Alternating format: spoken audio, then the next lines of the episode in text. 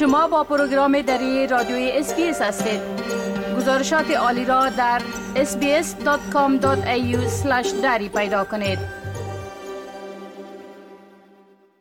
استرالیا مسکن بعضی از متنوع ترین و جالب ترین حیوانات وحشی در جهان است که این نتیجه انزوای استرالیا به حیث یک قاره و تاریخ تکاملی منحصر به فرد است که در جریان میلیون ها سال رخ داده است. اگر در استرالیا سفر یا کاوش کنید با احتمال زیاد با بعضی از انواع منحصر به فرد حیوانات وحشی روبرو خواهید شد. متاسفانه بعضی اوقات ممکن است حیوانات وحشی بیمار شوند یا توسط وسایل نقلیه زیربناها یا در اثر آفات طبیعی مثل آتش سوزی یا سیل زخمی شوند. بنابراین اگر با یک حیوان وحشی زخمی یا بیمار مقابل شوید باید چی کاری بکنید؟ در استرالیا با در نظر داشت جایی که در آن زندگی می کنید انواع حیوانات وحشی که ممکن است ببینید بر اساس منطقه اقلیم و محل زیست متفاوت خواهند بود. انواع زیادی از پرندگان، پستانداران، زوحیاتین و خزندگان به شمول مارهای زهرناک و غیر زهرناک در استرالیا وجود دارند.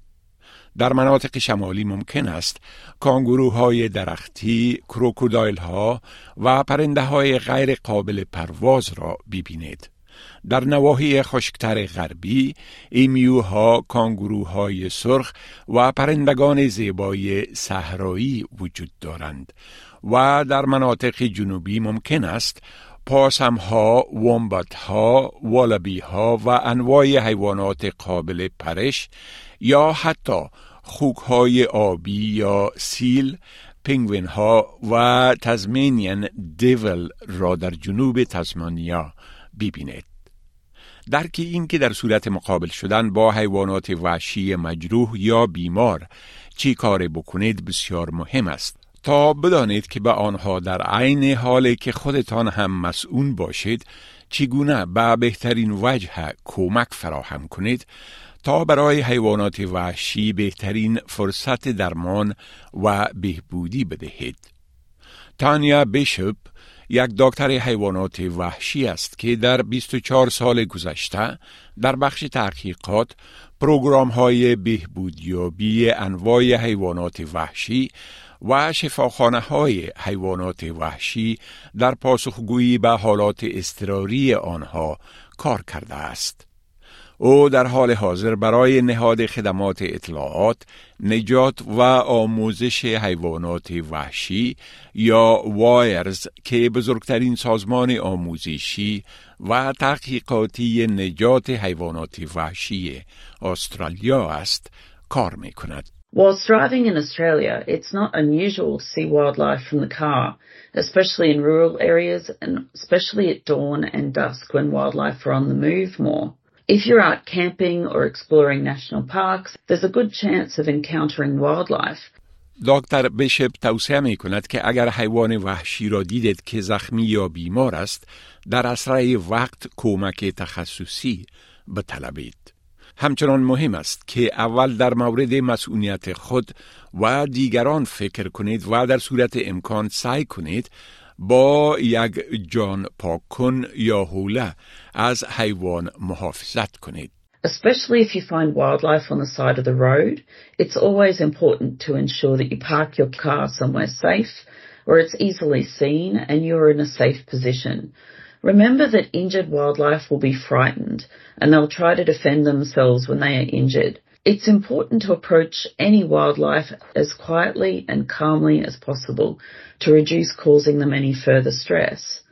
اگر با یک کیسهدار مردک نوی از پستانداران است و چوچه های خود را در کیسه حمل می کنند مانند کانگروها، والبی ها، وامبت ها و پاسم ها روبرو می شوید دکتر بشپ می گوید مهم است که کیسه حیوان را برای چوچه او بررسی کنید به شرطی که این کار را با مسئولیت انجام داده بتوانید. Only remove a joey from the pouch if it obviously has fur. If it has no fur, it will need to be removed from the pouch by a specialised carer, as their mouths are usually sealed to the teat at that stage, and removal could cause serious harm. It's important that a joey is kept in a warm, dark environment and gets to a carer as soon as possible. بعضی از وسایل خانگی عموما قابل دسترس وجود دارند که می توانند با آسانی بخشی از یک بسته کمک های اولیه ابتدایی برای حیوانات وحشی باشند. A great wildlife first aid kit would include an old thick towel that doesn't have any loose threads for claws to get tangled in, a cardboard box or pet carrier, and thick gardening gloves. and if possible, a pillow slip for any orphan joeys you may find. حیوان وحشی زخمی شده باید در اسرع وقت توسط دکتر حیوانات معاینه شود. طبق قانون صرف مراقبت کنندگان و دکتران حیوانات دارای جواز و آموزش دیده باید از حیوانات وحشی استرالیا مراقبت کنند چون نیازهای این حیوانات بسیار پیچیده اند. They are assessed to see if there's a good chance that with specialised rehabilitation and care that they have a good chance of returning to the wild. Once a veterinarian has treated and stabilised injured wildlife, they are returned to specialised carers that care for them from anywhere for a few weeks to a year or more for some species. مورگان فیلپوت یک مراقبت کننده حیوانات وحشی در سازمان وایرز است که بیش از یک دهه را صرف مراقبت از حیوانات وحشی زخمی و بیمار کرده است و علاقه خاصی به مراقبت و توانبخشی خرسک کوالا دارد. او توضیح می دهد که وقتی یک تن از مردم عام به خدمات نجات حیوانات زنگ می زند چی واقع می شود؟ We as carers on our phones will get a, a message notifying us of, of the rescue And if we are able to attend, then we will hit the attend button and then we'll get more details sent from head office via our, our app. And then generally we will make contact with the member of public and get more details and take it from there. These animals, particularly koalas and the more complex animals, really need to get to vets very quickly for assessment. تصمیم در مورد درمان مداوم حیوانات وحشی تحت مراقبت در ارتباط با دکتران حیوانات گرفته می شود. در قوانین مراقبت از حیوانات وحشی در سراسر استرالیا تفاوت‌های وجود دارند. اما در مجموع مراقبت کننده های حیوانات وحشی برای آماده ساختن آنها برای برگشت به محیط وحشی حیوانات را توانمند کرده و از آنها مراقبت خواهند کرد. این بدان معناست که حیوان پس از ارزیابی این که سلامت و مهارت لازم برای زنده ماندن در محیط وحشی را دارد یا نه رها می شود. For an animal to be released back into the wild, it has to be able to function normally in the wild. So, for example, for a koala, it has to be able to climb. It has to be able to eat eucalyptus leaf. If it, if it can't do those things, then it, it cannot be released back into the wild because it's not going to do very well. و چنانچه دکتر بشپ توضیح می دهد متاسفانه که همه حیوانات وحشی نمی توانند رها شوند یا نجات بیابند. Sadly, some animals that are traumatically injured or terminally ill may require euthanasia. However, for those we can help, wildlife rehabilitation work is inspiring and incredibly rewarding in terms of the difference we can make.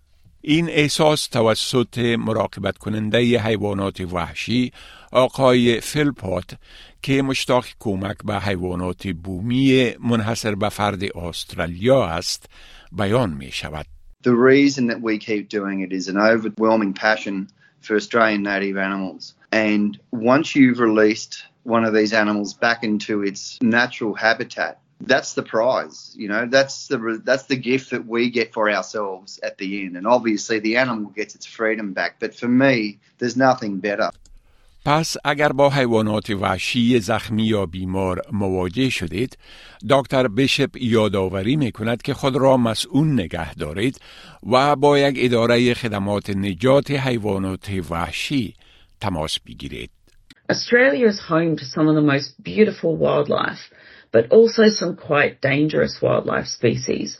So if you're ever in any doubt of the identification of wildlife you come across or how to safely handle it, it is best to call, give the location and wait for expert help.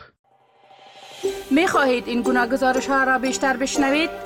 با این گزارشات از طریق اپل پادکاست، گوگل پادکاست، سپاتیفای و یا هر جایی که پادکاستتان را می گیرید گوش دهید.